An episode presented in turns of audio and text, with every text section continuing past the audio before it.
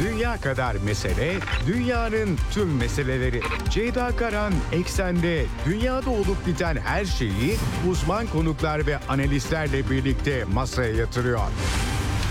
Dünyadaki meseleleri merak edenlerin programı Ceyda Karan'la Eksen hafta içi her gün saat 16'da Radyo Sputnik'te.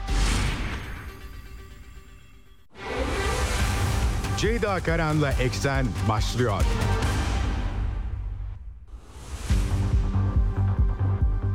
Eksenden merhabalar efendim. Bugün 16 Ekim 2023 günlerden pazartesi yeni bir haftada yine birlikteyiz. Oldukça önemli gelişmeler var. İsrail-Filistin gerilimi artık 9. günde bütün dünyanın gündemini belirler oldu.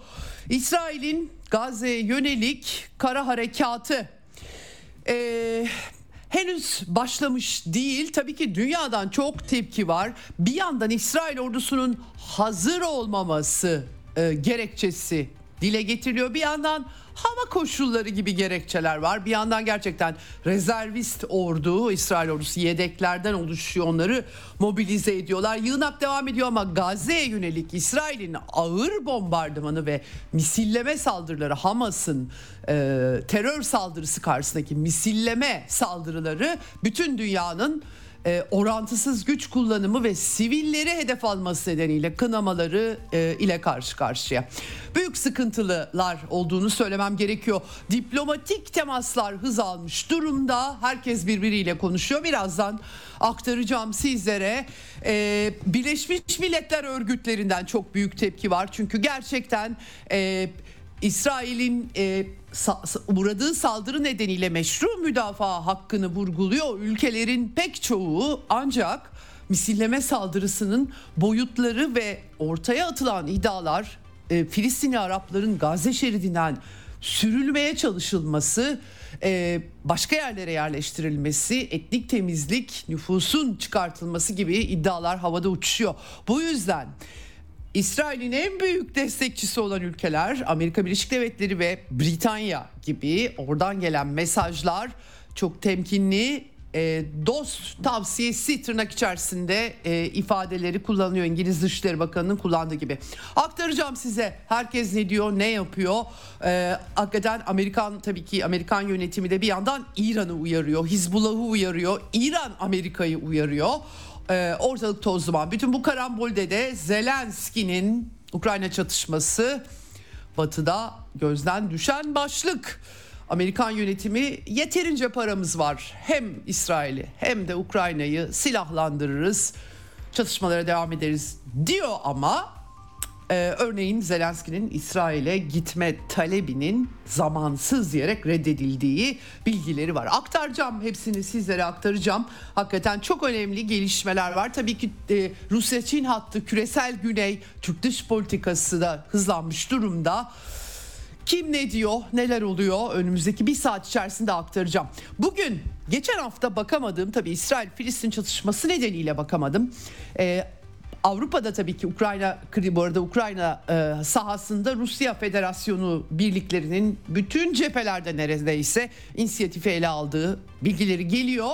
Avrupa'daki sıkıntılı resimde Ukrayna'ya Filistin'e eklenmiş durumda. Geçen hafta e, bu pazar değil bir önceki hafta Bavyera ve Hessen çok önemli nüfusun beşte biri yaşıyor. Alman eyaletlerinde eyalet seçimleri vardı ve koalisyon hükümeti büyük darbeler aldı. Bu arada tabii ki Filistin-İsrail çatışması üzerine binmiş durumda Avrupa'da inanılmaz bir İslamofobi, ırkçılık e, gerçekten medya çok kötü sınavlar veriyor Batı medyası.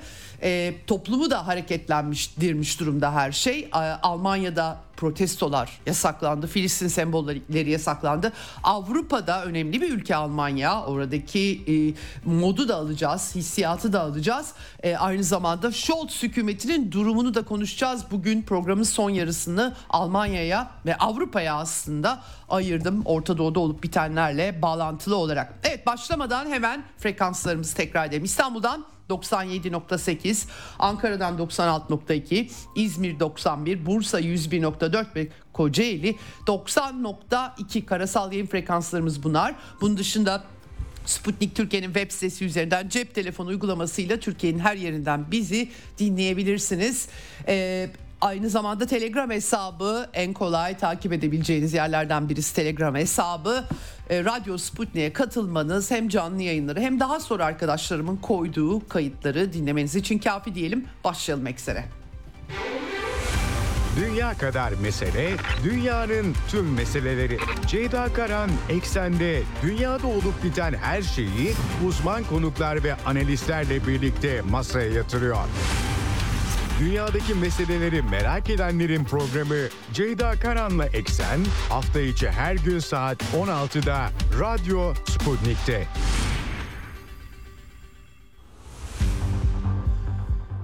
Evet hemen başlıyorum. Birleşmiş Milletler Genel Sekreteri Antonio Guterres'in yaptığı Orta Doğu'da uçurumun eşiğindeyi su yarısıyla açmak istiyorum yayınımı. Gerçekten çok sıkıntılı bir resim olduğu anlaşılıyor. İsrail özel güçleri e, Hamas'ın İsrail topraklarına yaptığı baskının ardından e, Gazze içerisinde hareket ettikleri anlaşılıyor ama henüz bir kara harekatı yok. Ateşkes hafta sonu iddiaları yansımıştı ancak daha sonra gerek İsrail Başbakanlığı gerek Hamas Gazze'yi yöneten Hamas grubu tarafından e, reddedildi.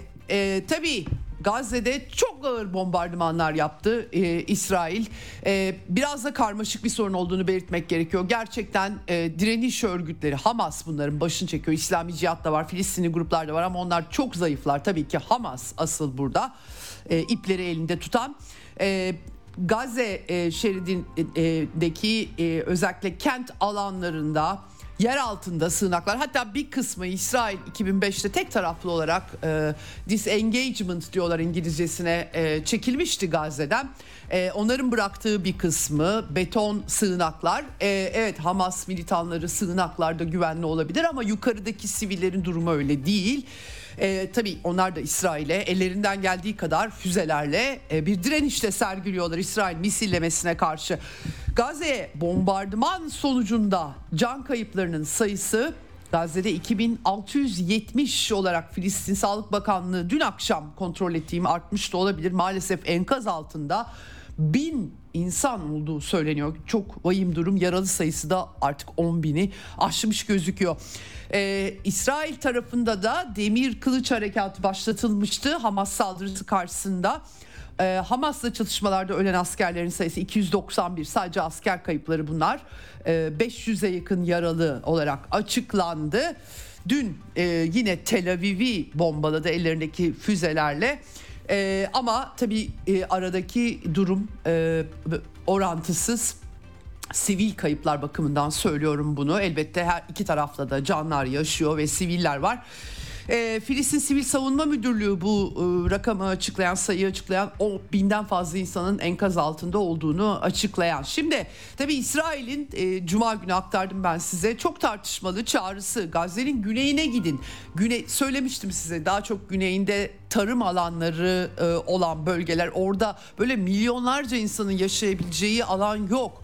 Kuzeyinde yoğunlaşmış durumda bir yapılaşma. Çok da ufak bir bölgede 2 milyon 300 bin insan yaşıyor. Dolayısıyla İsrail'in Gazze'nin güneyine gidin çağrısı yapması çok tepki çekti. Bir de bir takım konvoylar vuruldu. Hamas halkı evlerinde kalmaya, terk etmemeye çağırıyor. Bu durumda İsrail ve Batı tarafından canlı kalkan haline getirmek olarak yorumlanıyor. Gerçekten e, e, sıkıntılı resmin bir parçası da bu. Ama bir yandan da güvenli geçiş izinleri güneye güvenli geçiş izinleri o isin, izni verildiği olarak e, kodlanıyor İsrail'de. Ama vurulanlar da oluyor o konvoylardan. Bir 70 kişilik bir grup ki 800 bin insanın da güneye harekete geçtiği bilgileri yansıdı. Tabii Birleşmiş Milletler tepkili böyle 24 saatte bu kadar milyonlarca insanın taşınamayacağını BM tesisleri var yardıma muhtaç durumdalar. İsrail 2005'te çekilmiş olabilir Gazze şeridinden ama abluka uzun yıllar 15 yıllık bir abluka süreci var. Çekilirken e, Gazze'yi geliştirme yolunu seçmemiş olması İsrail'in tabii e, belki e, ve de Netanyahu'nun ağzından Filistin yönetiminin altına oymak için devletleşme süreci olmasın diye Hamas'ı alenen desteklemiş olmalarının belki sonuçları bunlar. Üzerinde düşünülmeye değer olduğunu ben düşünüyorum. Şimdi tabii Birleşmiş Milletler İsrail'i kınadı. Bu kadar milyonlarca insan su, yakıt, ilaç, elektrik, iletişim, insani temel ihtiyaçlardan yoksun vurgusu yaptılar. Hastanelerin çoğu hizmet vermeyi durdurdu. El Urduni, El, Beyt Hanun, El Durra, El Uda, e, efendim Refah'ta yine e, Kuveyt İhtisas Hastanesi var. El Kuds çalışanları bunların hepsi İsrail'den tehditler aldıklarını söylüyorlar. Bir kısmı e, tahliye boşaltmak zorunda kaldı. Yaralılar var. Durum durum parlak değil ve bir kısmı da direniyoruz kalacağız diyor. Ama şimdiye kadar da e, en az 28 sağlık çalışanının hayatını yitirdiği bilgileri var. Dünya Sağlık Örgütü'nün İsrail'e eleştirileri var. Hasta yaralılar için hastanelerin boşaltılması demek ölüm cezası demek. Başka bir anlamı yok dedi Dünya Sağlık Örgütü.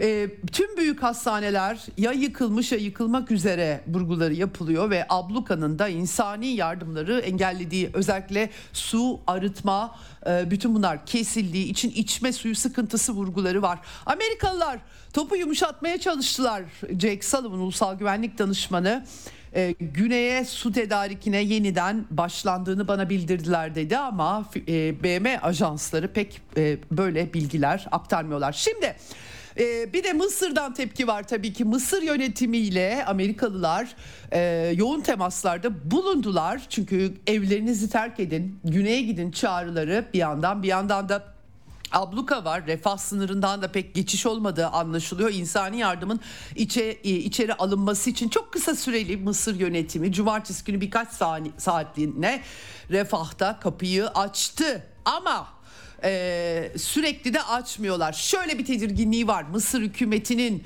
Gazze'nin Filistinli Arap nüfustan arındırılması ve onların Mısır'a Mısır'a kalması Sina Yarımadası'nda İsrail'in bir zamanlar barışı öncesinde İsrail işgali varken yerleş, e, yerleşim birimi var.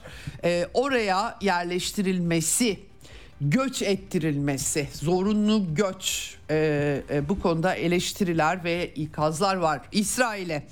Amerikan yönetimi o kadar çok bunlar arttı ki Amerikalılar sürekli topu göğüslerinde yumuşatmaya çalışıyor Amerikan diplomasisi. Jake Sullivan yine CBS televizyonuna evlerinden ayrılan kişilerin dönme hakları olduğunu söyledi. Ama tabii ki 75 yıllık devletleşememe, İsrail karşısında ulus devlet kurma süreçlerindeki yenilgi İsrail, e, Filistin Araplar için e, bir yara eve dönüş yarası dolayısıyla Gazze'yi öyle terk edip gitmeleri bir da, gitmeleri bir daha dönememeleri anlamına geliyor. Onlar onlar böyle algılıyorlar doğal olarak. E, Seymour Hersh araştırmacı yazar Pulitzer ödüllü o da bir e, detaylı bir e, haber analiz yayınladı kaynaklarına dayanarak. E, bir yandan tabii e, Katar'ın finansörlüğünde Yamit olarak anılan Sina'da 6 gün savaşı sonrası e, buradaki İsrail yerleşiminin bulunduğu yer buraya taşınmasının amaçlandığını iddia ediyor. Pek çok iddia var. Suudi Arabistan'da hacıların kaldığı yere yerleştirecekler diye de iddialar var. Bunlar açıkçası biraz komplo teorisini andırıyor ama akıllarda kafalardan Amerikan e, Amerika İsrail hattında böyle şeyler geçiyor olabilir mi diye sorarsanız mümkün yanıtını verebilirim açıkçası. Tabii Hirsch e, Gazze'nin kuzeyinden nüfus, sivil nüfusun güneye hareket etmesiyle İsrail'e e, yönelen uluslararası tepkilerin, baskıların azalması ve kalan yerlerde bütün bu sığınaklar e, beton delici, sığınak delici bombalarla bir de bu e, Amerikalıların e, meşhur kullandığı e, e, GBU 43B diyorlar. Bunun bir versiyonu İsrail'e verilmiş daha önce. E, JDAM'lar e, onlarla vurulması Afganistan'da da Amerikalılar be, belli versiyonlarını yani e, yer altındaki e, bunkerları diyelim e, betondan Hamas e, sığınaklarının yok edilmesi kalanların İsrail askerlerinin operasyonunda temizlenmesi mümkün olabilecek mi hep beraber göreceğiz. Tabi e, Filistinli sivillerin e, sürülmesi meselesi büyük bir uluslararası problem. herkes açısından, uluslararası hukuk açısından, Mısır açısından. İsrail tarafında e, Müslüman kardeşler ideolojisinin doğum yeri olarak Mısır'ın bu işte sorumluluğu olduğu iddiaları dile getiriliyor. Mısırlılar zaten kendi ekonomik krizleri var. İhvan terör örgütü 2003'te bir darbeyle başa e, ordunun müdahalesiyle başa geçmişti El Sisi Abdülfettah El Sisi dolayısıyla İhvancılar Filistinli özellikle Gazze'de ihvan çok güçlü tabii ki onu belirtmem gerekiyor.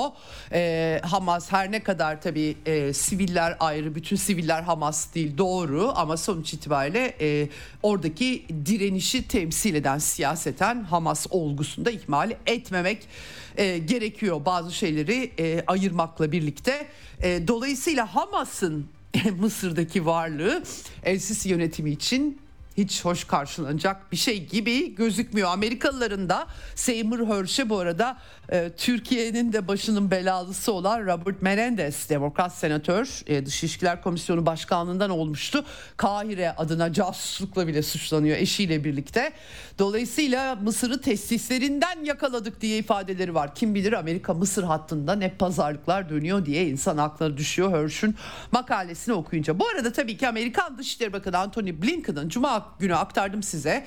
İsrail'i ziyareti sırasında Amerikalı diplomat olarak değil de baş diplomat olarak değil de bir Yahudi olarak geldiğini söylemesi bütün bölgede yankılandı.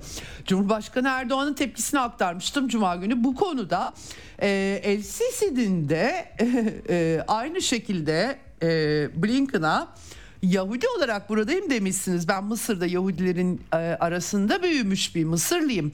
Hiçbir zaman bir hedef göstermeye maruz kalmadılar. Hiçbir zaman böyle bir şey olmadı e, diye e, imalı cümleler kurmuş. Blinken'da insan olarak geldim demek durumunda kalmış. Amerikalı diplomat olarak niye gidemediğini ben çözemiyorum doğrusu ama benim en azından hayatımda izlediğim Amerikan diplomasi açısından bu kadar kötü per diplomat olmaz acaba savunma bakanı olsaydı e, belki daha iyi olabilirdi. Savunma bakanları konumları gereği biraz daha farklı açıklamalar yapıyorlar tabii. Öbür e, yani e, diplomasi başka bir e, mesele. Şimdi tabii e, Mısır Cumhurbaşkanı da Anthony Blinken gitti Kahire'den tekrardan bu arada aktaracağım birazdan İsrail'e bir mekik diplomasi yapıyor tekrar İsrail'e döndü arkasından e, e, Blinken'la görüşmesine dair El Sisi'nin yapılan açıklamada en e, dikkat çekici vurgu İsrail'in tepkisinin meşru müdafaanın ötesine geçerek toplu cezalandırmaya dönüştüğü. E, açıkçası e, El Sisi böyle demiş e, kontrol altına almak ve üçüncü tarafların müdahil olmamasını sağlamak vurguları e, yapmış. Şimdi refah kapısının açılması, açılsa bir şey, açılmasa bir şey. Hakikaten e, uluslararası toplumun önünde büyük bir mesele. Bir yandan da rehineler var, ondan unutuldu. Hamas e, Sidero bölgesi bütün Gazze e, sınırının dışındaki yerleri bastığında sivilleri, askerleri de bir kısım rehin almıştı. Çeşitli rakamlar ortaya atılıyor. Hala somut kesin bir rakam yok ama e, hafta sonu bir 155, e, 126, 155 Haaretz gazetesi öyle yazdı. En son IDF 199 esir bulunduğunu söyledi. Tabi bombardımanlar esirlerin de hayatının hiç de güvende olmadığı anlamına geliyor. Baskınlar yaptıkları e, bu kuvvetle muhtemel e, bir takım Hamaslıları yakalayıp onların e, eğer bilgileri varsa esirlerin nerede tutulduğunu rehinelerin e, öğrenmeye çalıştıkları anlaşılıyor. E, ölenler olduğu Hamas'tan dördü yabancı dokuz rehinenin hayatını yitirdiği açıklaması hafta sonu geldi. Amerikan vatandaşları var bunların arasında bu arada. E, dolayısıyla hassas bir mevzu. Filistin Özel Yönetimi Başkanı Batı Şeria'da daha çok hükmü geçen İsrail'in yıllarca altına oymaya çalıştığı laik Filistin yönetiminin lideri Mahmut Abbas Biden ile de görüştü, e, Blinken'la da görüşmüştü. İnsani hukuka saygı gösterilmesi çağrısı yaptı Amerikalılara ama danışmanı Mahmut El Habaş diyor ki pek de ilgili değiller pek de İsrail'i etkileme çağrılarımıza Blinken yanıt vermedi Abbas'la görüşmesinde diyor. Göreceğiz tabii. Bugün yine Abbas'ın uluslararası topluma güvenlik koridor açılması için e, müdahale talebi var. İmha operasyonu yürütüyor İsrail diyor Mahmut Abbas. Şimdi yürütüyor ama kara kara harekatı herkesi ürküten e, İsrail'in kara harekatı e, henüz olamadı. Çeşitli gerekçeler ortaya atılıyor. İşte hava koşulları Ukrayna'da çok duyuyoruz bu e, lafları. O açıdan da e, oradaki tabii Ukrayna daha e, kuzeyde bir bölge oradaki hava koşullarından tam neyin kastedildiğini ben doğrusu anlayamadım. Belki hani e, e, işte e, çöl, e, kum vesaire yağmur belki onlar mı bilmiyorum ama özetle e, şimdi e, ortaya çok kararlı ve keskin e, söylemler İsrail IDF'den, İsrail savunma güçlerinden, İsrail ordusundan geliyor ama e, sıkıntılar olduğu anlaşılıyor. E, e, hafta sonunda e, bombalama devam etti. E, dediğim gibi Han Yunus kenti, e, diğer bölgeler aynı şekilde Hamas da İsrail'i vurdu. Aşkelon'a 173 roket isabet ettiği bilgileri geldi. Rehovot şehrine aynı şekilde İsrail'in güneyinde, Tel Aviv'in güneyinde.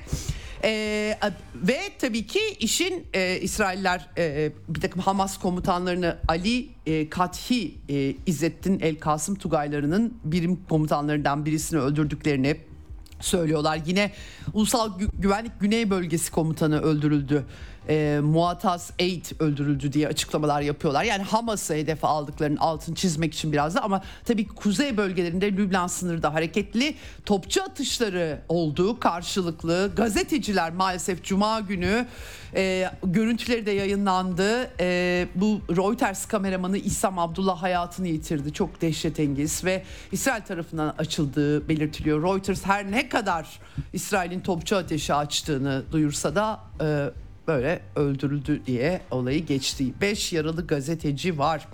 Birleşmiş Milletler soruşturma talep ediyor. İsrail'in yine Lübnan'da barış gücü karargahı var Nakura'da orayı da hedef aldığı bilgileri geliyor. Tabii e, Kassam Tugayları Lübnan'daki Filistinli gruplar da daha çok oradan odaklı ama Hizbullah da hareketli. Metula bölgesi var orada. Hizbullah'ın o bölgede e, güvenlik kameraları İsrail'e sızma oradan olur mu diye konuşuluyordu. E, ayrıca Suriye üzerinden devrim muhafızlarının harekete geçtiği İran'ın iddiaları dile getiriliyor. Ne kadar doğru bilmiyorum. Batı medyası ağırlıklı.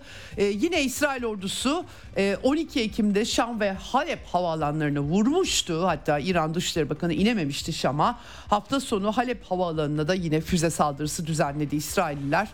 Böyle bir durum var. Kuzeyden e, 70 bin sivili toplamda 70 bin kuzeyden güneyden İsrail'de de büyük bir tahliye operasyonu ülkenin orta kesimlerine herkesi biriktiriyorlar. Otellere yerleştiriyorlar.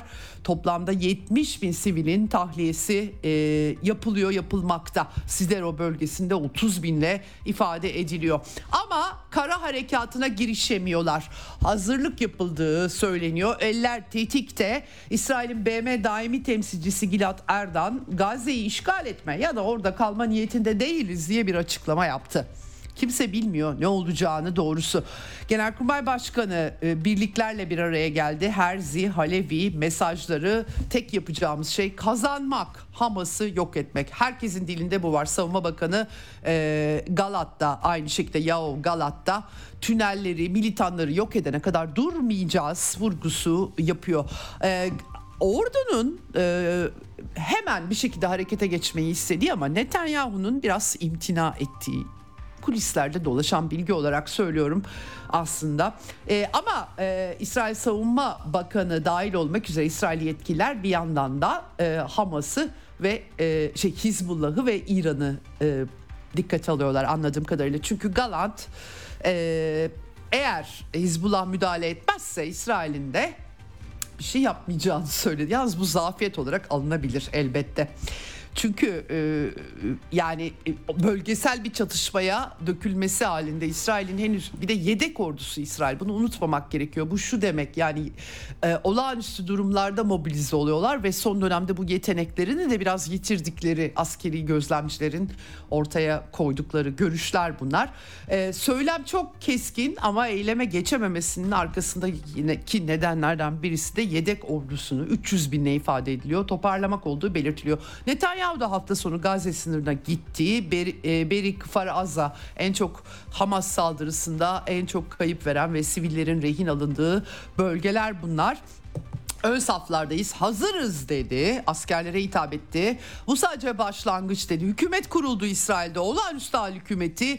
Anlatmıştım size geçtiğimiz hafta Benny Gantz'ın da katıldığı acil durum hükümeti Liberman aşırı sağcı layık aşırı sağcılardan e, İsrail Evimiz Partisi. O da katıldı. Bir tek Yair Lapid katılmıyor. Daha solda yer alan.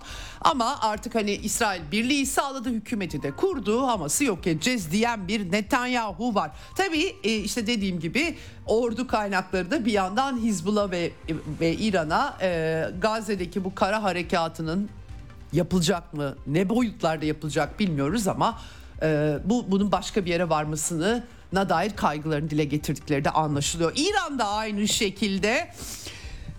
Dışişleri Bakanı Hüseyin Emir Abdullahiyan bölge turuna çıktı. Tıpkı Blinken gibi o da Irak, Lübnan, e, Suriye, Doha'ya da gittiği belirtiliyor. Onun tam hangi gün gittiğini çözemedim doğrusu ama e, bütün bu e, ülkelerde yaptığı temaslarla ilgili bilgi verdi. Nasrallah'la, Hizbullah lideriyle, İslami Cihat üst düzey yönetimiyle, Haniye, Hamas yönetimiyle görüştü. İsrail'in savaş suçlarını öne çıkaracak bir açıklama yaparken yeni cepheler açılması ve savaşın genişletilmesi konusuna direniş güçleri karar verecek dedi. Yani İsrail Gazze'ye müdahale etse direniş harekete geçebilir demeye çalıştı. Uyarı bu şekilde. Haniye ile görüşmesinde de aynı şekilde e, bunların olduğu yer alıyor. Yeni bir tarih sayfası açılacağı iddiasında Hamas lideri. Göreceğiz hep beraber. Ee, Abdullahiyan e, Beyrut'tan sonra Şam'a geçti. Esad'la görüştü. Belirtiliyor. Dışişleri Bakanı Faysal Miktat'la basın toplantısı yaptı ve direniş cephesi tüm olası senaryolara hazır mesajı verdi e, kendisi başka e, cepheler açılması olasılığının mevcut olduğunu Suudi Arabistan'la da aralarında koordinasyon olduğunu söyledi. Çok dikkat çekici. Suudi Arabistan Veliaht Prens'in birazdan aktaracağım. Amerikan Dışişleri Bakanı ile hiç de hoş e, bir görüşmesi olmadığı anlaşılıyor Amerikan medyasına göre. Efendim velhasıl en son e, El Cezire'ye e, dikkat çekici cümleler kurmuş. Kırmızı çizgileri Hizbullah belirledi. Her aşamada uygun önlemler alınacak. İran Filistin'i desteklemeye devam edecek. Suudi Arabistan'la koordinasyon yapılıyor. İran BM daimi temsilciliği ise e, İran topraklarına bir saldırı olmaması halinde bir bu işe İran'ın doğrudan müdahale etmeyeceğini söylüyor. Daha çok direniş örgütleri Hizbullah üzerinden şu an formülasyon yapılıyor. Evet e, Amerikan yönetimi de çatışma riski olduğunu dile getiriyorlar. E, e, Amerikalı yetkililer Jake Sullivan ihtimal var diye açıklama yaptı. Netanyahu Amerikan başkanıyla sık konuşuyor. Zaten İsrail'e davet etmiş durumda Joe Biden'ı. Biden en son röportajında hem e, Hamas'ın tamamen yok edilmesi gerektiğini CBS televizyonuna söyledi hem de İran'a yapmayın yapmayın diye bir mesaj vermiş durumda. Biden Orta Doğu'nun e, savaş Orta Doğu Savaşı'nın genişlemesi ihtimali Amerikan askerlerinin gönderilmesi gerekli olduğunu düşünmediğini söyledi. Ama bir yandan tabii Amerika içi de içerisinde sarsılıyordu. İç güvenlik önlemleri var. Bir yandan Gazze'de siviller var. E, ekiplerim çalışıyor insani yardımlar demeye çalıştı. Pek öyle görünmüyor işin doğrusu. Ama Hizbullah ve İran'a yapmayın, yapmayın, yapmayın dedi. Bir yandan bu Hamas'ın İsrail'de düzenlediği saldırıda İran'ın parmağı olduğuna dair kanıt yok demesi yine dikkat çekici. Evet şimdi e, e, mekik e, dokuyor Blinken yine İsrail'e gitti bu arada.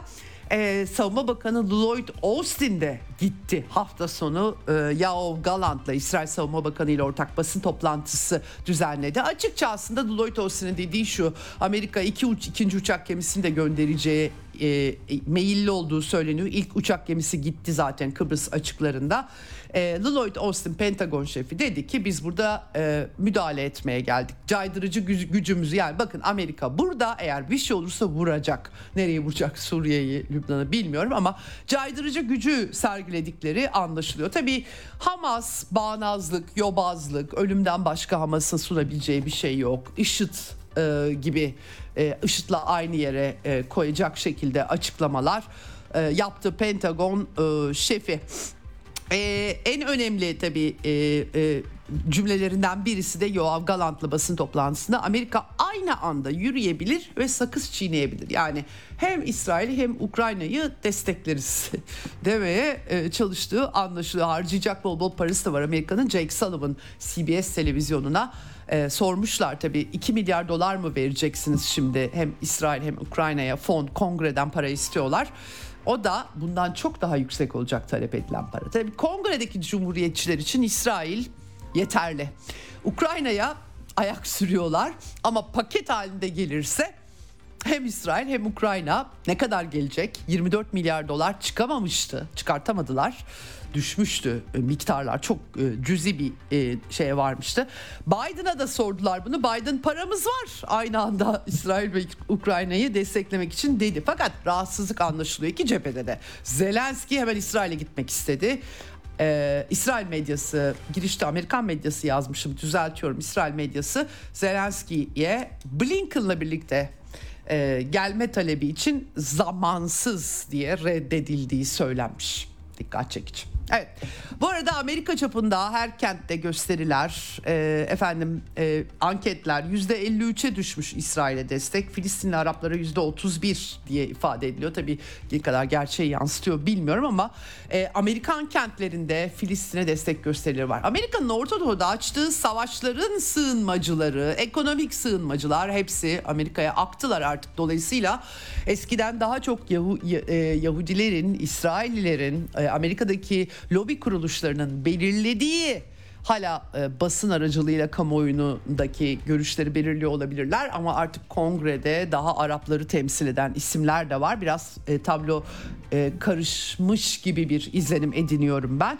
E, bir de şok edici son olay da Chicago'dan geldi. Müslüman ve Filistin karşıtı görüşleri olan bir ev sahibi bir Müslüman ailenin evine bıçakla saldırıda bulunmuş.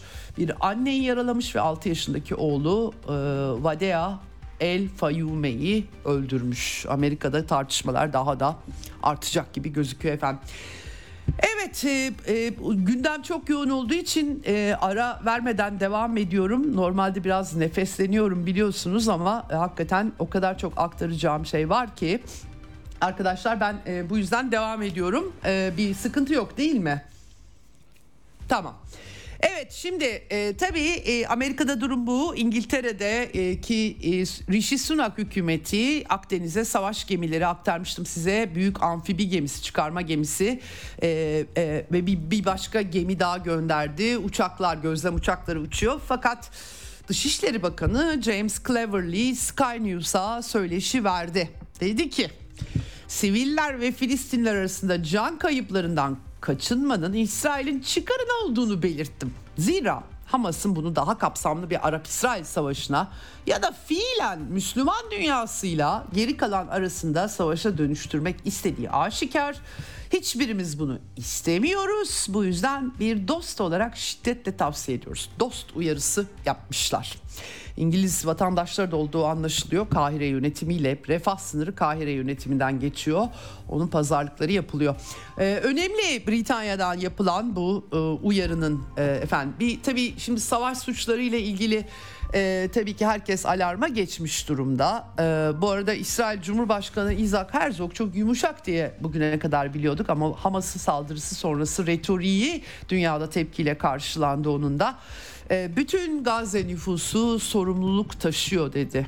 Hamas'ı başlarından atmadılar. Yani darbe, marbe, darbeyle başa gelmişti aslında Hamas tabii.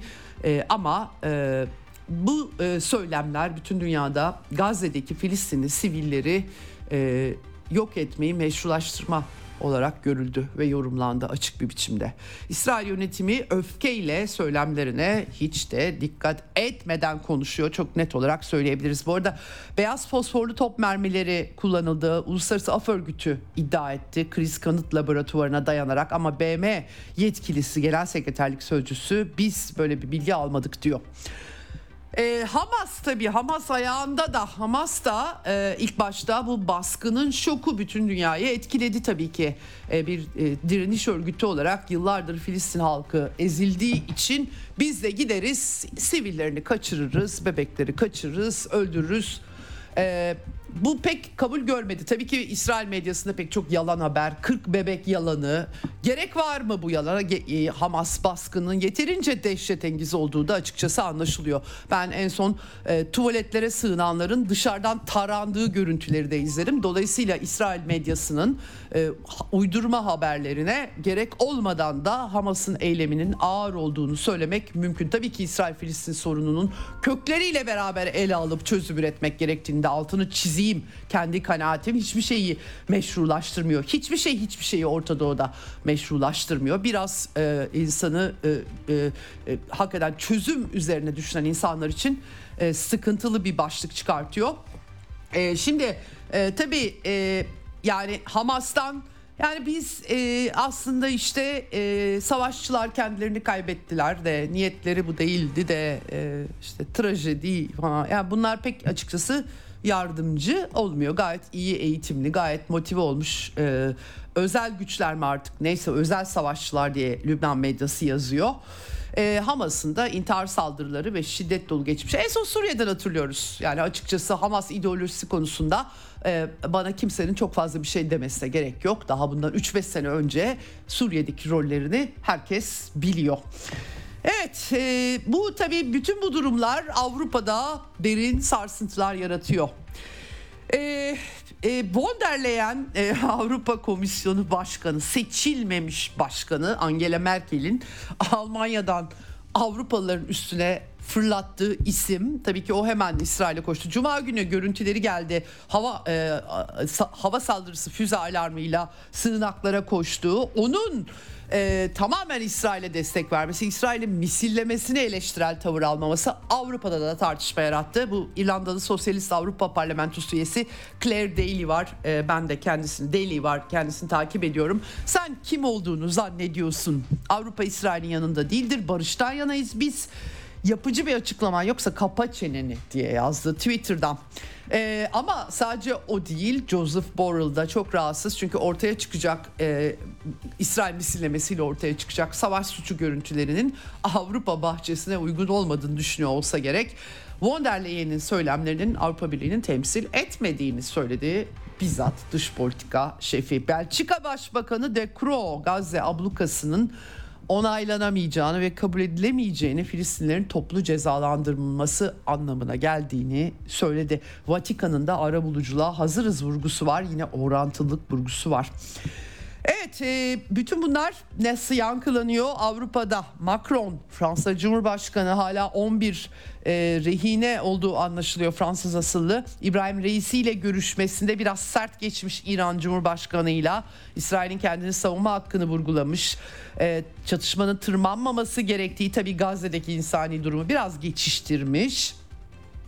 Dışişleri Bakanı da İsrail'i ziyaret etti Macron'un ee, ölen 19 Fransız vatandaşı da ölmüş bu arada. Ben 11 diye gördüm. Belki daha fazladır e, rehine olarak. Tabii Fransa'da Filistinlilerle yoğun da bir Müslüman nüfusu var. Fransa'nın Avrupa'da en çok belki onların Almanya ile birlikte Gösteriler yasak getirildi gösterilere. Salzburg'da 13 kişi gözaltına alındı. Hafta sonu Louvre Müzesi Paris'te bomba alarmıyla kapatıldı. Lise saldırıları var. Bu işe bağlanıyor. Ne kadar doğru bilmiyoruz. E, hakikaten parlak değil durum. Almanya'da da aynı şekilde e, Filistin'e destek için sokağa çıkanlarla polis arasında çok sert kapışmalar yaşandı. E, okullarda Filistin yasağı, bayrak, efendim işte poşu, her şey e, yasaklanmış durumda. Filistin kefiyesi aslında bizim bildiğimiz poşu orada kefiye e, Arafat'ın e, kafasına e, şap, e, taktığı şey. Efendim e, tabii bunları yasaklama getirdiler. Bir yandan da Yahudiler tedirgin çünkü Davut yıldızlarıyla işaretleme başlandığı söyleniyor. E, iddialara göre Berlin'de yaşayan çok sayıda Yahudinin evleri koruma altına alınmış durumda. E, yangına körükle giden bir medya olunca gerçekten böyle bu tarz şeyleri teskin etmek çok zor. Basına görev düşüyor. Her ne olursa olsun haklı haksız taraf bir tarafa e, bütün bunların yatıştırılması da rol oynayacaksa medya herhangi bir savaş koşulları tabii ki savaşları çatışmaları aktaracak gazeteciler ellerinden başka bir şey gelmez. Ayrıca tarafta olabilirler. Objektif oldukları e, koşullarda o tarafı süzersiniz biliyorsanız ne adına yayın yaptığını. Ama önemli olan objektif olmak bir de insanları kışkırtmamak. Maalesef sosyal medya buna imkan vermiyor. Bir tane bebek e, e, işte bir ağlayan bir insan fotoğrafı koyduğunuz zaman altı üstüne de bir şeyler yazdığınız zaman duygular daha da körükleniyor ve teskin olmuyor. O zaman da intikam duygusu bileniyor. E, işin gerçeği bu açıkçası. Ha diyeceksiniz gösterilmesin mi? Tabii bu büyük bir çelişki ama yaradığı şey bu. Başka bir şey olmuyor. Onu da altın çizmek gerekiyor.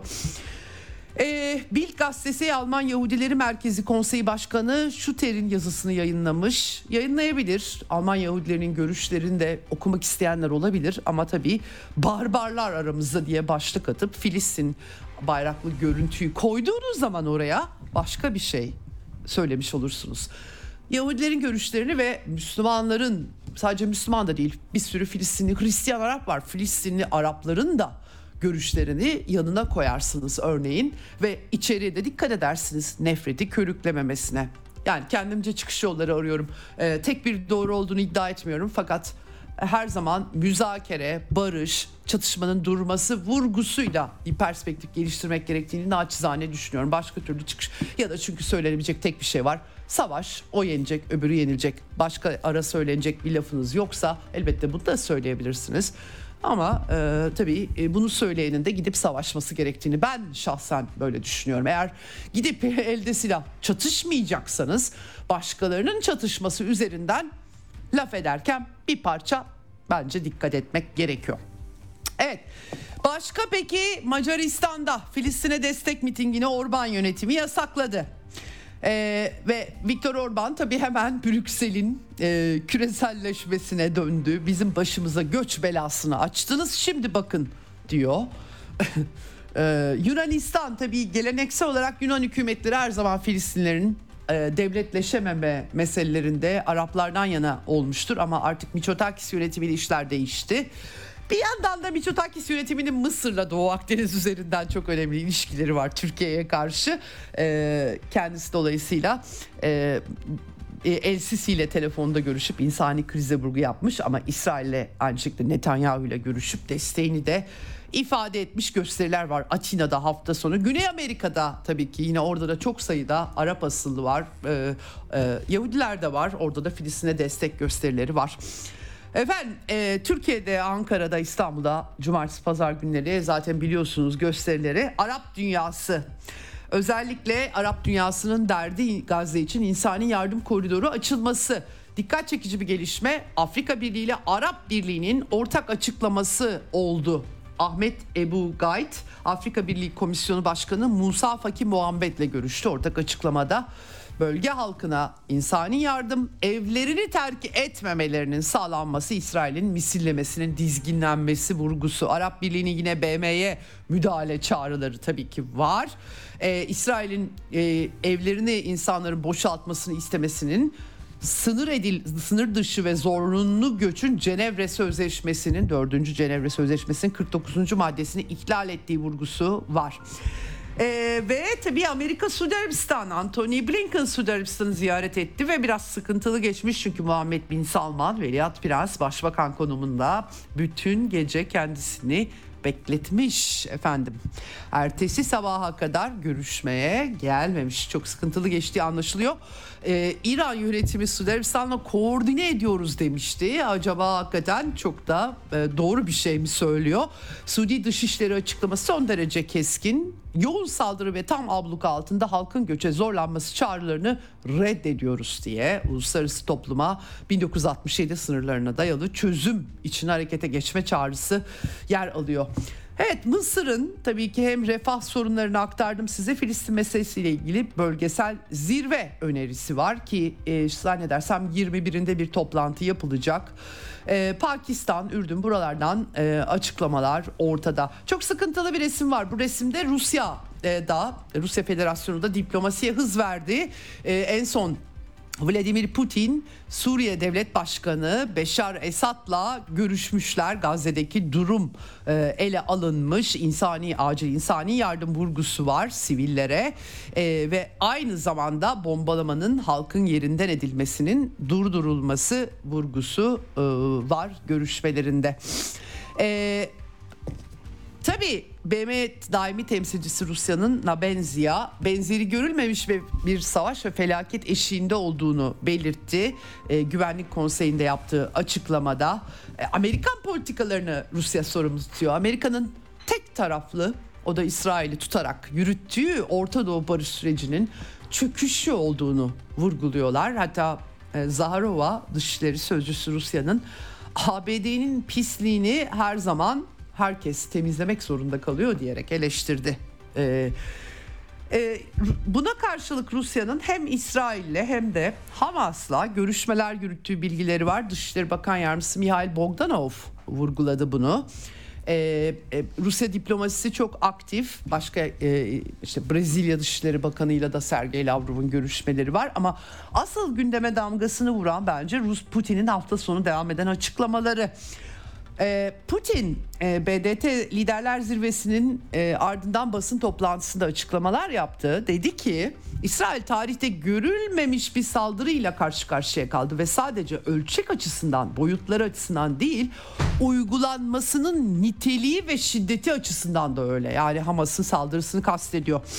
Elbette anlıyoruz. Bu ortada bu aşikar dedi ama e, e, öncelikle sivil nüfusu düşünmek lazım. İsrail'in kendi güvenliğini sağlama hakkı var. Ama e, mevcut durumdan çıkacak yolu ve araçları bulmamız lazım.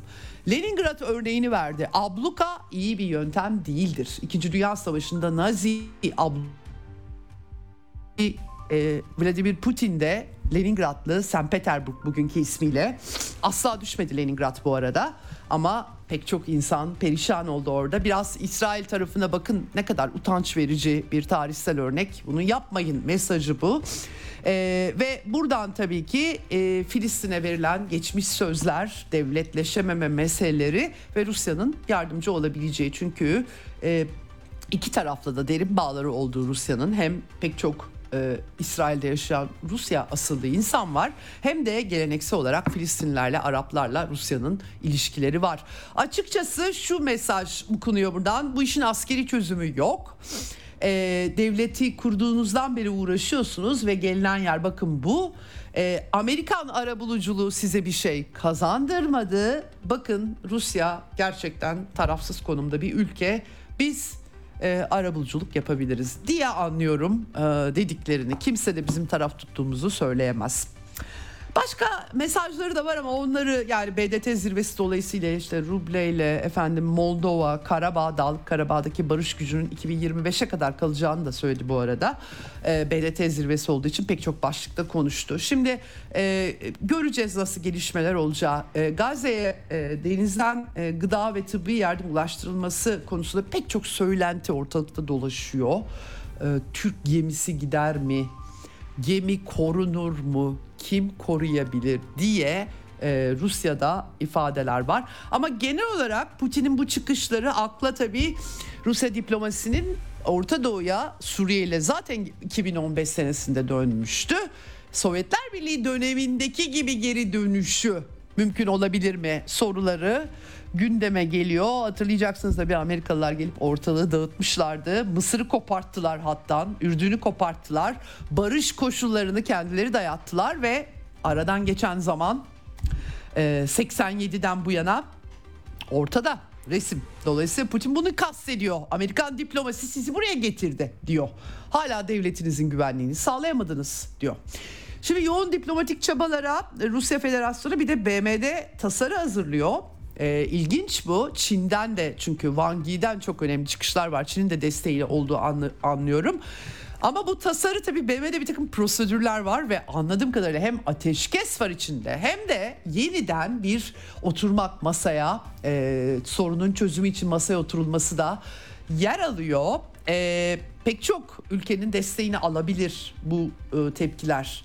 O zaman Amerikalılar çok zor durumda kalırlar. Çünkü veto etmeleri gerekecek böyle bir şeyi. O zaman çok taraflı olacaklar. Genel kurula gitse oradan da şimdi Ukrayna çatışmasından ötürü Rusya'nın tecrit edildiğini iddia ediyor Amerika ve Avrupa. Pek öyle bir resim yok. Aktarıyorum ben size görüyorsunuz. Somut olguları, söylemleri aktarıyorum ama İsrail-Filistin meselesi üzerinden Rusya'nın hazırladığı bir tasarı BM'de o şekilde reddedilirse ve 9 daimi olmayan üye mesela bir kısmı destek verirse Amerikalıların görünümü diplomatik olarak hiç hoş olmayacak bana sorarsanız. O yüzden bu ta, böyle bir tasarı gündeme gelmesin diye muhtemelen ellerinden geleni yapmaya çalışacaklar. Ama bir yandan da Çin konuşuyor. Efendim Çin hafta sonu burada e, Amerikan Dışişleri Bakanı'yla da Wang Yi Çin Dışişleri Bakanı'nın görüşmeleri oldu. Ee, önce birkaç gün sessiz kalmıştı Çin. Basın aracılığıyla konuşmuştu ama şimdi full diplomatik mesajlar veriyor. Ee, özellikle Wang Yi'nin sivillere zarar verecek adımlardan kaçınılması, iki halk için iki devlet ilkesine çözümün dayanması güç e, kullanarak e, bu işin çözülmeyeceği, Amerika'nın etkin yapıcı rol oynaması gerektiği yani oynamıyorsunuz diyor ve e, uluslararası konferans, barış konferansı çağrısı var Çin'in. Yetti artık.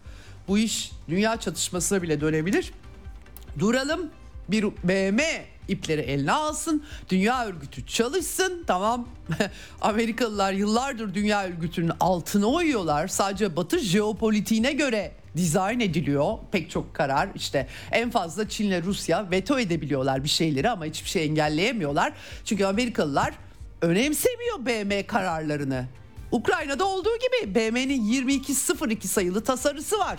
Minsk anlaşmalarının uygulanmasını Amerika uyguluyor mu? Hayır. Kiev'in uygulanmasını sağladı mı? Hayır. Çinliler de diyorlar ki BM işler işler hale gelsin bir de barış konferansı toplansın. Çok hakikaten dikkat çekici çıkışları var Wang Yi'nin de e, BM nezdinde Guterres'le temasları Orta Doğu temsilcisinde bölgeye yollayacak Çinliler. İran, Suudi Arabistan'ı uzlaştırmayı başarmışlardı hatırlayın e, tarihsel bir haksızlık var burada ve buna son verilmesi gerektiğini söylemiş. Tabi tarihsel haksızlık bu bunu bir paranteze almak istiyorum. Dünyanın her yerinde tarihsel haksızlıklar var. Maalesef ulus devletlerin tarihi, tarihsel haksızlıklar tarihi unutmamak lazım. Ama düzeltebileceğin bir nokta varsa tamamen çözümsüzlüğün kriz yarattığı bir nokta varsa bu e, mesele oraya denk düşüyor ve barış konferansı dikkat çekici uzun vadeli çözüm. BRICS e, nezdinde küresel güneyin de ayrıca hareketleneceğini anlayabiliyoruz. Arap Birliği, Afrika Birliği böyle e, Amerika'nın ve Batı'nın full kontrolünde olmayan bir takım çok taraflı kuruluşların hareketliliğini burada e, görüyorsunuz. Evet Türk diplomasisi Cumhurbaşkanı İbrahim Reisi ile görüştü. Rishi Sunak'la görüştü. Yardımların ulaştırılması Türkiye'nin yoğun çabaları, kalıcı çözüm. Ee, Hakan Fidan e, Kahire'deydi Dışişleri Bakanı Türkiye'nin Anthony Blinken'la görüştü. Cumhurbaşkanı Cuma günkü açıklamaları kulağımızda yankılanıyor tabii Amerika'ya sert çıkmıştı niye uçak gemileri buraya geliyor diye. Libya'da da öyle şeyler söylemiş NATO'ya ne arıyor demişti burada da Amerika ne arıyor gibi. Tabii Suriye'deki Türk siyasının düşürülmesi olayı e, gerçekten karmaşık bir resim e, sunuyor. Türk dış politikası da hareketli ve yardım malzemeleri de bu arada Mısır'a e, ulaştırılmaya devam ediliyor. Doğu Akdeniz'de Türk Deniz Kuvvetleri'nin bir Navtex e, Kıbrıs açıklarında tatbikat yapacak olması da yine bir yere not ediyorum. Dikkat çekici bu e, anlamda. Ayrıca ee, Rusya Suriye'de de İdlib'deki cihatçı militanları Hamas'ın bir ara beraber hareket ettiği militanları vuruyor. 10 militan etkisiz kılındı 5 silah deposu imha edildi diye hafta sonu açıklamışlardı. Tekrar bir neden Suriye ordusunu hedef seçiyorlar mevzilerine ve sivil tesislere ateş açıyorlar. Biz de onlara yanıt verdik diye uzlaştırma merkezi e, açıklama yapmış durumda. Evet Ukrayna çatışması çok az vaktim kaldı. 4 Haziran taarruzu artık tamamen e, durmuş gözüküyor. Zaten Ukrayna'nın ekipmanı, mühimmatı çok e, inisiyatifin e, her bölgede Rabotino, efendim Bahmut, Artemovsk, Kupyansk pek çok yerde Rusya Federasyonu elinde. Onlar da alan kazanmak yerine özellikle Avdiivka'da yoğunlaştı geçen hafta. Çok 9 yıl boyunca e, tahkim etti Ukrayna ordusu orayı böyle yer altındaki yine sığınaklar falan aynen Hamas'ta olduğu gibi.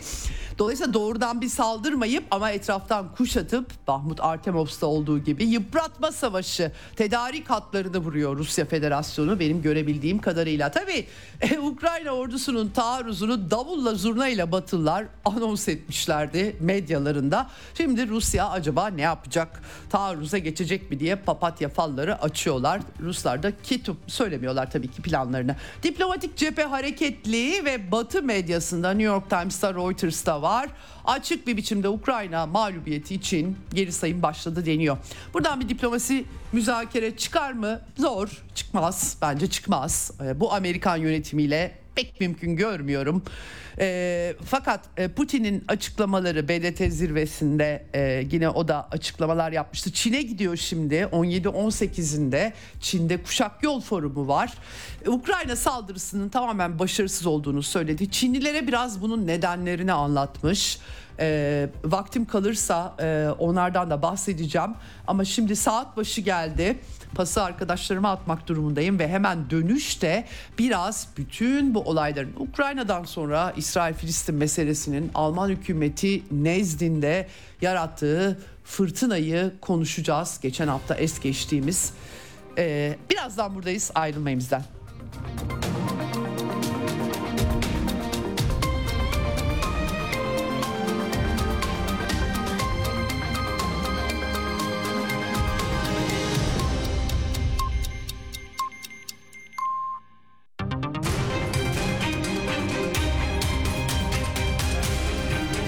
Radyo Sputnik. Anlatılmayanları anlatıyoruz. Ceyda Karan'la Eksen devam ediyor.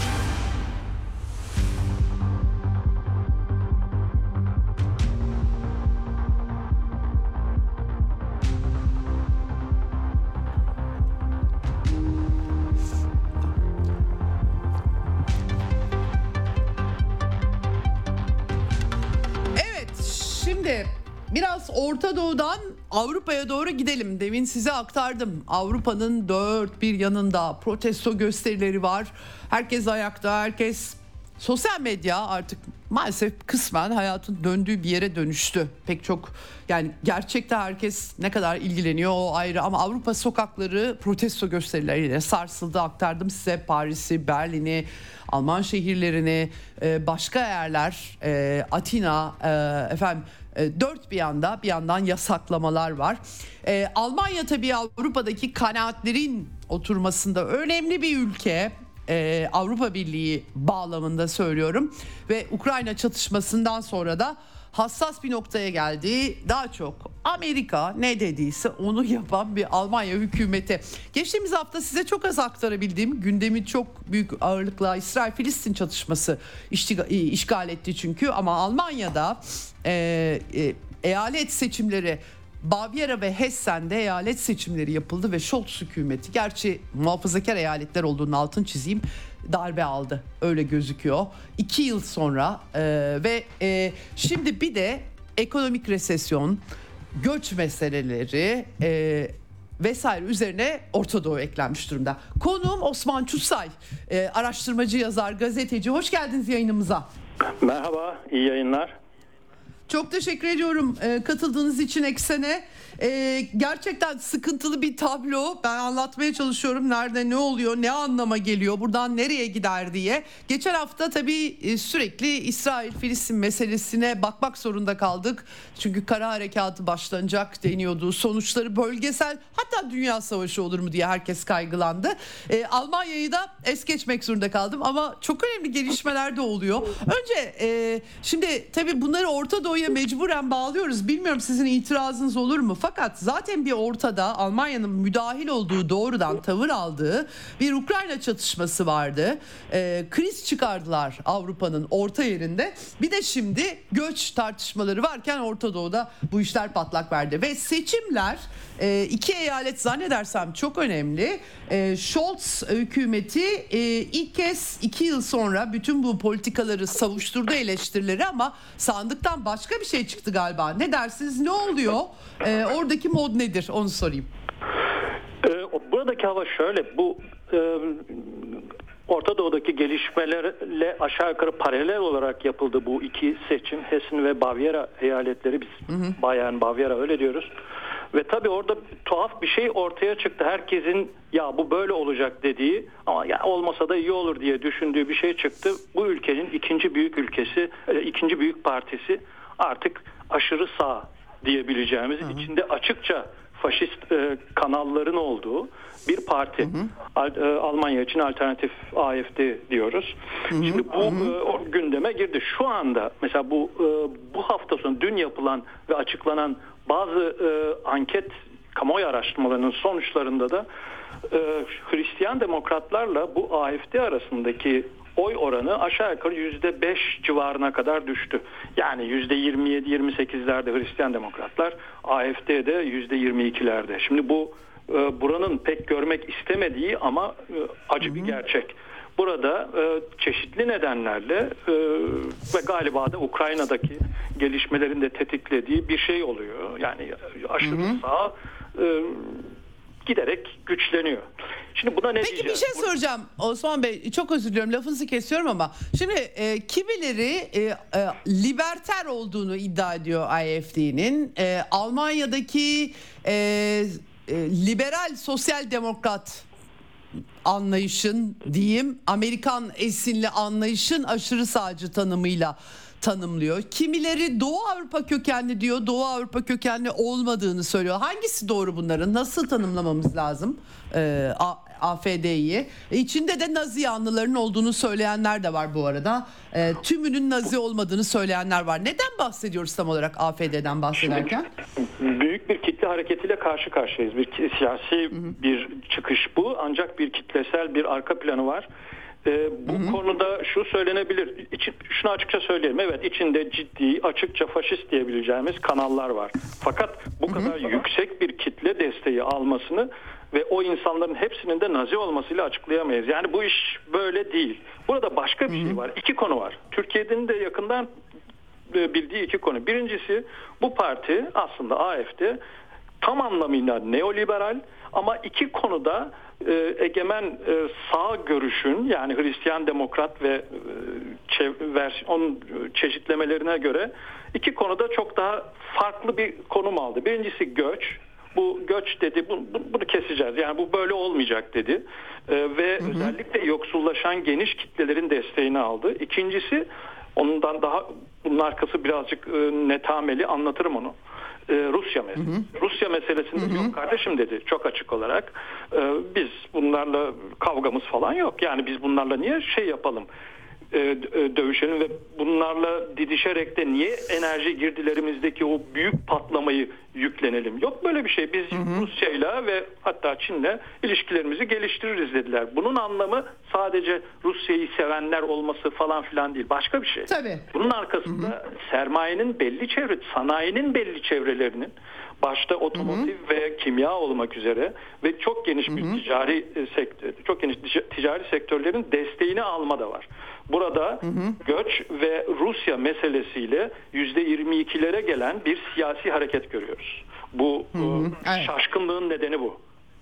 Evet ee, ama yani şimdi şöyle de bir şey şunu da sormak istiyorum. Peki kendine sosyal demokrat diyen e, ya da yeşil sol herhalde Amerikan neoliberal solunun Almanya versiyonu diye belki evet. anabiliriz.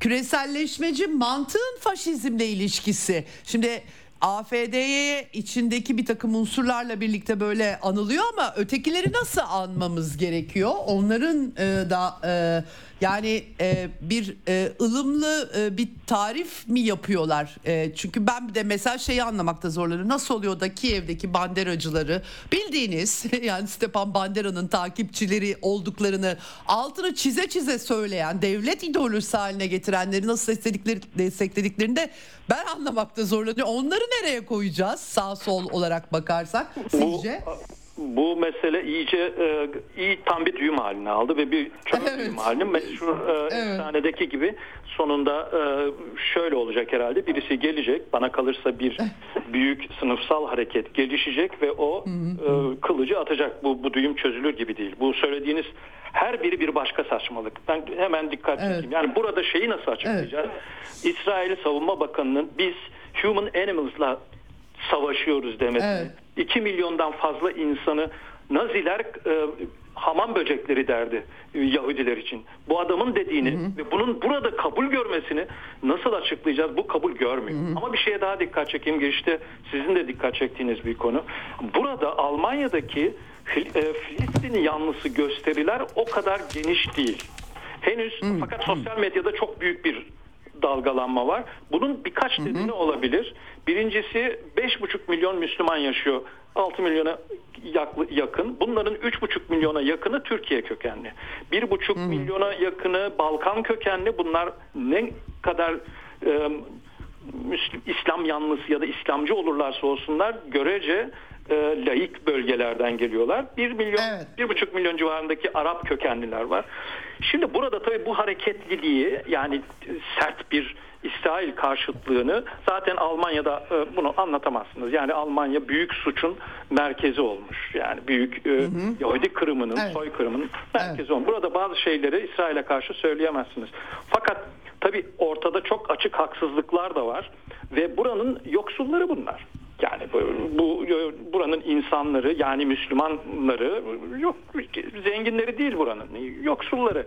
Şimdi burada bu yüksek de bir kitle ama bir tuhaf bir biçimde bir beklenti bir bekliyorlar. Bir tek dün Berlin'de Potsdam ünlü bir meydanıdır o şeyin e, Berlin'in. Birdenbire bir 50 kişilik bir başvuruda bulunulmuş bir e, Filistin'le ilgili bir şey yapacağız diye bir, bir anda bin kişi çıkmış ortaya. Şimdi şeyi konuşuyorlar bugün sabahtan beri e, ana büyük medyada da. Ya nasıl oldu da burada birdenbire bin kişi birden ortaya çıktı falan. Çok önemli değil bunlar.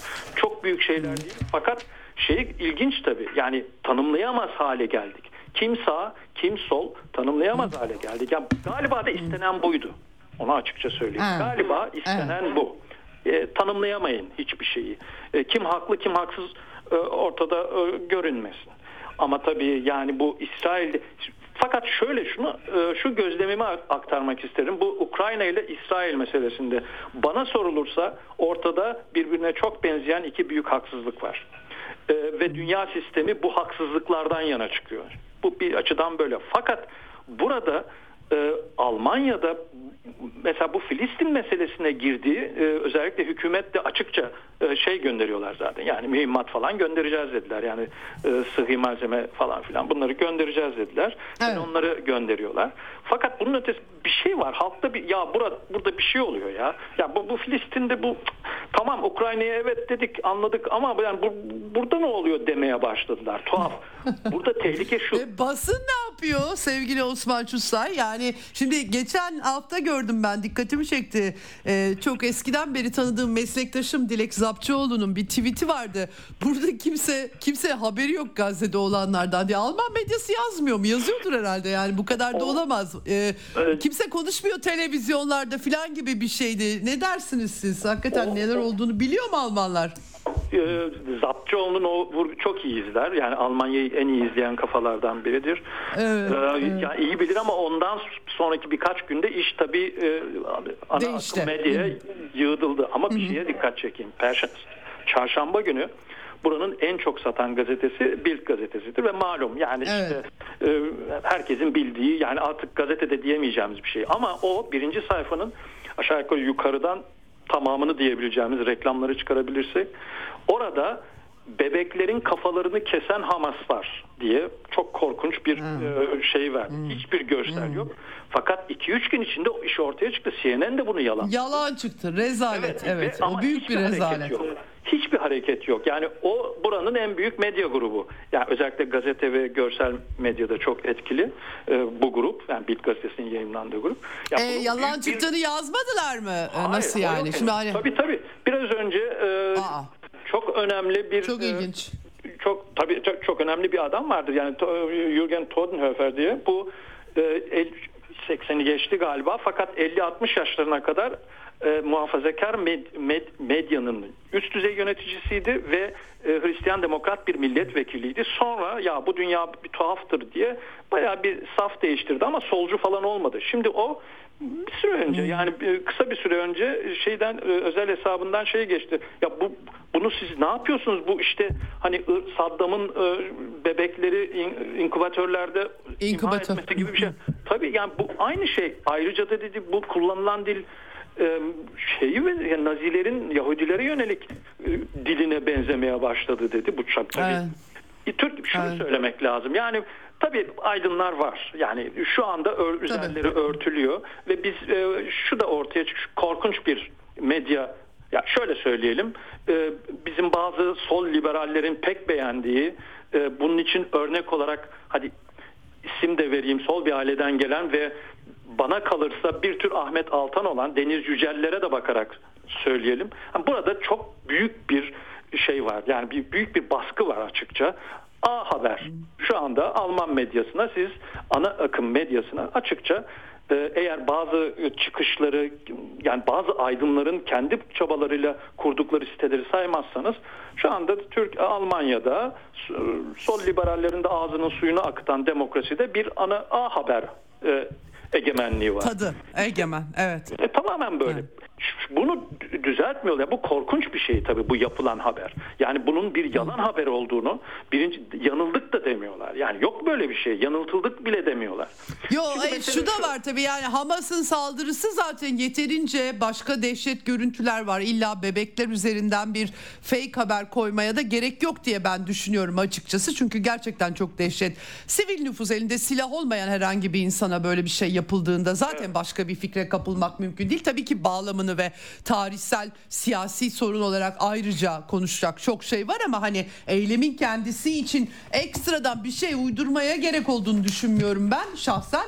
Ee, e, bunun bu şekilde kullanımı ise tabii ki sizin dediğiniz gibi başka bir şeye dalalet öyle söyleyeyim. Ama bu e, Buyurun. şöyle e, Evet. mesele şu. Şimdi gerçekten iki taraftan da izle, e, yani ciddi suçlar var. Savaş suçları da işleniyor. Tabii ki tabii ki İsrail'in tabii ki açık. evet. Ama şu anda mesela Evet. pazar günkü Die Welt gazetesinde ka- kapaktan işte bin küsür e, isim ve yaşları verildi. Tamam güzel. Bunların öldürüldüğü Hamas tarafından öldürüldü. Bu da iyi. olabilir tabii. Niye olmasın? Ama biz Filistinlilerin ne kadar kimleri ve hangi boyutlarda kaybettiğini bilmiyoruz. Yani böyle bir Evet. ya bir dakika burada da insanlar ölüyor. Evet bu doğru değil. Ama burada da insanlar ölüyor. Ayrıca da ne oluyor? Ya bu insanlar e, şunu bunu hak ettiler mi? Yani Yoav Galant'ın Human Animals söz e, ifadesini hak ettiler mi? Bunlar insan ya. Yani bu Gazze'de işlenen ya dünyanın bildiği bir şey. Bir açık hava hapishane bizdeki açık hava hapishaneleri daha iyidir herhalde. Yani korkunç bir yaşam zor, zorlaması ya da bas- basıncı altında orada insanlar.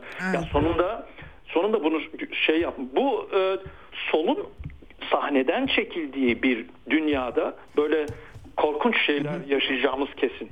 Yani Evet. şöyle bir şey yok. Öz- Bu bölümü kapatmak için söyleyeyim. 1974 Dünya Kupası öncesinde Şili'de Allende'yi katledenlerle Sovyetler Birliği o maça çıkmadı ve Şili girdi e, Dünya Kupası finallerine. E, Bunu bu kadarını hatırlı. Böyle bir ya şu anda dünyada bir Sovyet Sosyalist Cumhuriyetler Birliği eksikliğini görmeyen Evet. varsa e, ideolojik Evet. olarak bakmıyor, e, görmek istemiyordur. Çünkü bir bir setti. Ne kadar eleştirirlerse eleştirsinler. Kim ne kadar eleştirirse eleştirsin. O set Evet. yok. Dolayısıyla her Evet. türlü yalanın önü açık. Yani Evet. Saddam'daki Saddam'a yönelik yalanlarını, Saddam'ın suçlarını e, kimse şey yapmıyor ama yani aynısını burada söylüyorsunuz ve korkunç bir şey. İnsan tipini değiştirdiler. Yani insanlar buna inanıyor. Yani bu Evet. korkunç bir şey tabii. Yani iyi bir yerde değiliz. Dediğin de doğru, Evet. dediğiniz de doğru. Banderayı e, hiç sorun etmiyor bu. Tarihin yarattığı en büyük kasaplardan biri. İnsan kasabı bu adamlar. E, Yani bunu nasıl bunu sineye çekersiniz? Kiev'de nasıl onların adamları e, iktidarda bir pay sahibi olabilir? Yanlarından bile geçirmemesi lazım. Ama yok böyle bir tepki. E, kusura bakmasınlar. E, buradaki sol liberaller de o banderanın e, kuyruğunu böyle kuyruğunda yürür- yürürler yani.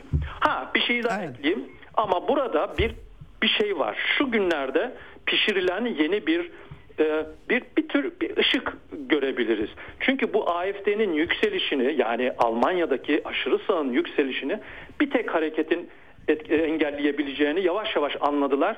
O hareketinde Zara Wagenknecht, Oscar Lafontaine yani Almanya'nın sol sosyal demokrat çizgisi olabileceğini düşündüler. Şu anda bir parti kuruyorlar. Ben benim görüşüme göre de o parti kurulacak önümüzdeki e, birkaç hafta, birkaç ay içinde. Çünkü evet. bu e, aynı gün yani Gaza'daki iş e, e, olayla kanlı olaylarla aynı sırada buradaki iki büyük eyalette yapılan seçimler Almanya'nın çok ciddi bir açmazla karşı karşıya olduğunu gösterdi. O Evet. nedenle. Ee, son evet son olarak çok kısa rica edeceğim ee, sevgili Osman Çusay. Bu e, seçimlerle ilgili şimdi tabii iki yıl oldu. iki yıl sonra bu yapıldı. Erken seçimden de bahsediyorlar ama öyle bir güç var mı Almanya'da? Scholz hükümetinin e, ni erken seçime e, götürecek. Bu Baviera ve Hesse'nin sonuçlarını yoksa abartmamak mı gerekiyor? Ee, ne dersiniz? Bir de son olarak kısaca bunu sorayım. Çok, çok kısa söyleyeyim. Şu andaki e, şeyler, e, kamuoyu araştırmaları bu hükümetin %30-35'lerde olduğunu yani şu anda bir kitle desteği yok. Bu hükümet düşmüş durumda. Eğer şu anda seçim olsa bu hükümetin e, bu oluşturan 3 parti e, hükümet kuramaz. Dolayısıyla Almanya'da da federal Almanya'da da genellikle seçimler erken yapılır. Yani böyle bir tek dikkat çekilmiyor ama e, genellikle tarihte öyle bir şey var. Yani Helmut Schmidt'ten mesela erken e, devraldı Helmut Kohl hükümeti. Aynı Evet. şekilde bu şeyde de e, 1998'den sonra da öyle oldu. E, Burada Evet. bir bu bu ciddiye alınması gereken bir basınç var. Bir basınç var ama e, tespitiniz doğru. Bu basıncı üstlenebilecek bir siyasi kimlik var mı diyorsanız o şu anda yok. Yok. Peki. Çok teşekkür ediyorum değerlendirme için. Çok sağ olun. İyi günler, iyi çalışmalar. Evet e, Osman Çusa ile konuştuk. E, Almanya geçen hafta tabii Orta Doğu gündemimizi çok fazla meşgul ettiği için hiç girememiştik. İşin aslı e, Almanya'da işler çok parlak gitmiyor. Resesyon, büyüme sıkıntıları, enerjinin pahalanması, Almanya'nın dış politikasının tamamen Amerika'daki neokonların hegemonyası altında hareket etmesi, Almanya'nın Avrupa Birliği içerisindeki lider pozisyonunun da artık giderek görünmez hale gelmesi e, gerçekten e, Berlin'in başında kara bulutlar var. İçeride de ideolojik planda çok acayip tartışmalar. Gerçekten yani e, AFD'nin içerisinde çok ısrarla altını çiziyorlar. Hassasiyetleri gereği bir takım aşırı sağcı unsurlar olduğu anlaşılıyor. Ama öte yandan zaten Almanya'nın solu sosyal demokratları dediklerimiz banderacılık yapıyorlar. Dolayısıyla kim nedir? Bütün dünyanın solu sağı karıştı. Neden diye bana sorarsanız Amerikalılar yüzünden. Çünkü Amerika'nın solu sağı karışık olduğu için e, sadece işte ekonomik bir takım politikalar nedeniyle ya da silahlanma nedeniyle Amerika'da cumhuriyetçilere ki eski adı Good Old Party'dir. Eskiden daha solda yani e, tabii ki yeni bir şey kastetmiyorum. Kuruluş yıllarını söylüyorum. Soldayken onları muhafazakar sağ olarak demokratları da sol olarak ifade etmek genellikle işte biraz daha kamu harcaması bir tık daha o da bir tık bir küçücük tık. Çok büyük bir farklar yok. Amerikan kapitalizmi açısından ama onu solda tarif etmek e, solun içini kimlik, cinsiyet tamamen e, sosyal meseleler asla ekonomik modelle ilgili en ufak bir sorgulama bile olmayacak şekilde bunun tabii ki Avrupa'nın üzerine tamamen boca edilmesinin de bir takım e, etkisiyle geliştiğini Almanya'da ve başka yerlerde söylemek mümkün. Tabii ki Almanya'nın e, sosyal devleti yerinde duruyor elbette ama sıkıntılar baş gösteriyor. e, hiç de belki gerekmeyen bir takım çatışmaların tetiklenmesi. Ukrayna çatışmasını aktarıyorum size. E, epey zaman oldu. Şimdi bugün e, bu arada hafta sonu başka bir şey daha oldu. Polonya'da önemli bir seçimler. E, İktidar Partisi Muhafazakar Hukuk ve Adalet Partisi %36.8 ile 200 sandalye aldı. 231 alması lazım. Alamadı. Birinci parti çıktı ama ee, yine neoliberal eski Polonya Başbakanı Donald Tusk liderliğinde bir sivil koalisyon var. Bakın sivil koalisyon. Amerika'da tıp e, t, e, Polonya'ya bak Amerika'yı gör aynı şeyler burada da var. Ee, yüzde e, 31 bayağı e, bence yüksek elde etmişler. Diğer ortaklarıyla beraber hükümet koalisyon hükümeti kurabilir nitelikte. Brüksel'i sevindiren bir gelişme gibi gözüküyor bu. Çünkü e, Avrupa Birliği bahçesi diyelim Joseph Borrell'ın görüşüyle bahçesinde biraz dikenimsi duruyordu. Ukrayna çatışması nedeniyle ihtiyaç duydukları için Amerika ihtiyaç duyduğu için Amerika Fransa Almanya hattını zayıflatıp Doğu Avrupa'daki bu cepheyi e, güçlendirdiği için e, tabii sakıncalı durumlar yaratıyordu. Şimdi belki de e, koalisyon görüşmelerine tabii ki bakmak gerekecek ama e, katılımın da yüksek olduğunu %72'leri bulmuş 73'leri bulmuş. Pazarlık dönemi olacak şimdi göreceğiz ne olacak. Ben Polonya politikalarında çok büyük bir değişiklik beklemiyorum. Amerika Sovyetler Birliği'ni çökertip Doğu blokunu parçaladığından beri bunu yaparken de e, her türlü e, aygıtı sendikaları kullanarak yarattığı bir muhafazakar Katolik Polonya e, ortada. Dolayısıyla büyük şeyler beklemek gerekmiyor ama en azından e, e, e, bakalım bu hatta ne gibi değişiklikler olacak sadece Almanya değil yani Polonya'da da böyle gelişmeler var. Bütün bunlar olup biterken e, Almanya'nın e, eski şansölyesi Gerhard Schröder e, tabii Rusyacı olmakla suçlanıyordu. E, barış planı ortaya konulması gerekiyor. Ukrayna NATO üyesi falan olamaz e, iki dilliği kaldırdılar. Yani tabii ki banderacılar, e, milli aşırı milliyetçi e, biliyoruz e, bunlarda. Neonazilerin devamı zaten öyle Ukraynalılık kimliğini kafa tasçılık ölçülerinde savunuyorlar. İşte başlarında e, Zelenski var diye hiç alakası yokmuş gibi e, sunuyorlar ama öyle değil. Kendileri söylüyor zaten bunu. Batılılar yakıştırmak istemese bile. Dolayısıyla sıkıntılı bir manzara var.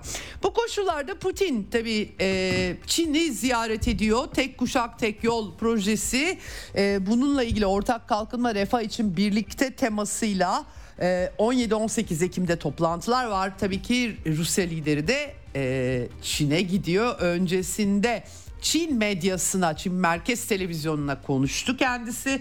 Bir yandan aslında geçen sene Mart ayında bu yıl değil anlaşmaya ulaşacak. Yani Batı'nın bozduğunu, detaylarıyla Ukrayna çatışmasının neden çıktığını Çinlilere anlatmış Rusya lideri. E, ta tarihsel arka planı da vererek anlatmış. Rusya-Çin ilişkilerinde de önemli şeyler söylemiş. En başta Xi Jinping'le ilgili dikkat çekici cümleleri var. Anlık kararlar vermiyor, durumu değerlendiriyor, analiz ediyor. E, uluslararası platformda gösteriş yapmak için 5 dakikalığına gelip sonra fark edilmeden ortadan kaybolan geçici işçi statüsündeki liderlerden değil demiş. E, Xi Jinping için titiz, sakin, e, güvenilir bir ortak demiş aynı zamanda bir konuda anlaşıldığı zaman yerine getirileceğinden emin olabiliyoruz demiş. E, Baya böyle Çinli mevkidaşıyla ilgili övgü dolu konuşmalar yaptığını görüyoruz. Tabii e, Amerika'nın tabii biliyorsunuz aktardım size Amerikan Kongresi Rusya ile ve Çin'e aynı anda savaşmamız lazım diye rapor en son ortaya koyduğu için tavsiyeler ortaya koyduğu için gerçekten yani bakmayın böyle sesimin tonu bu şekilde çok kötü dünya artık hani trajik komik olarak görüyorum bütün bunları.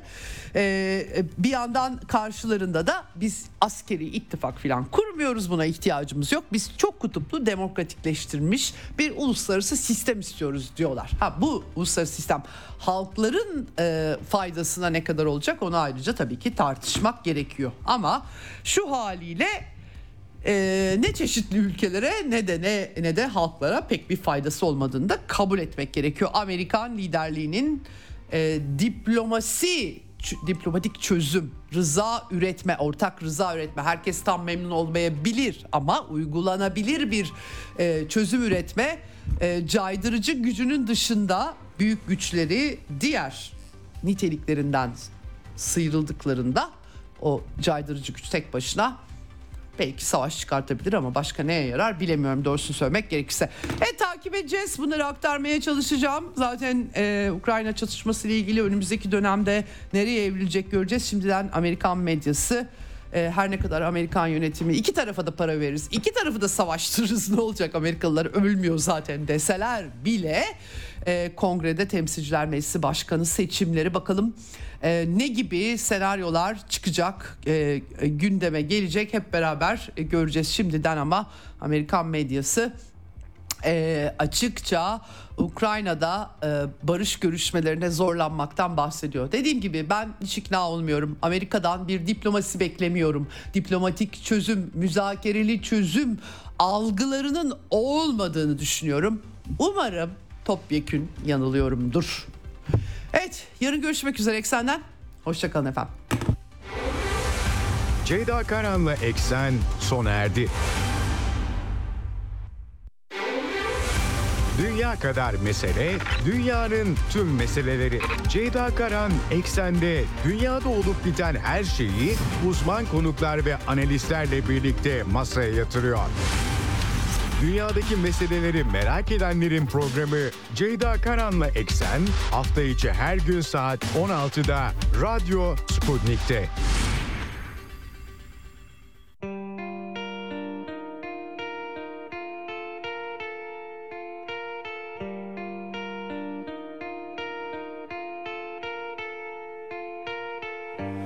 Hast mich lang nicht mehr so angesehen. Hast mir lang nichts mehr erzählt. Unsere Fotos hast du abgenommen, weil dir irgendetwas fehlt. Du rufst mich an und sagst, du weißt nicht mehr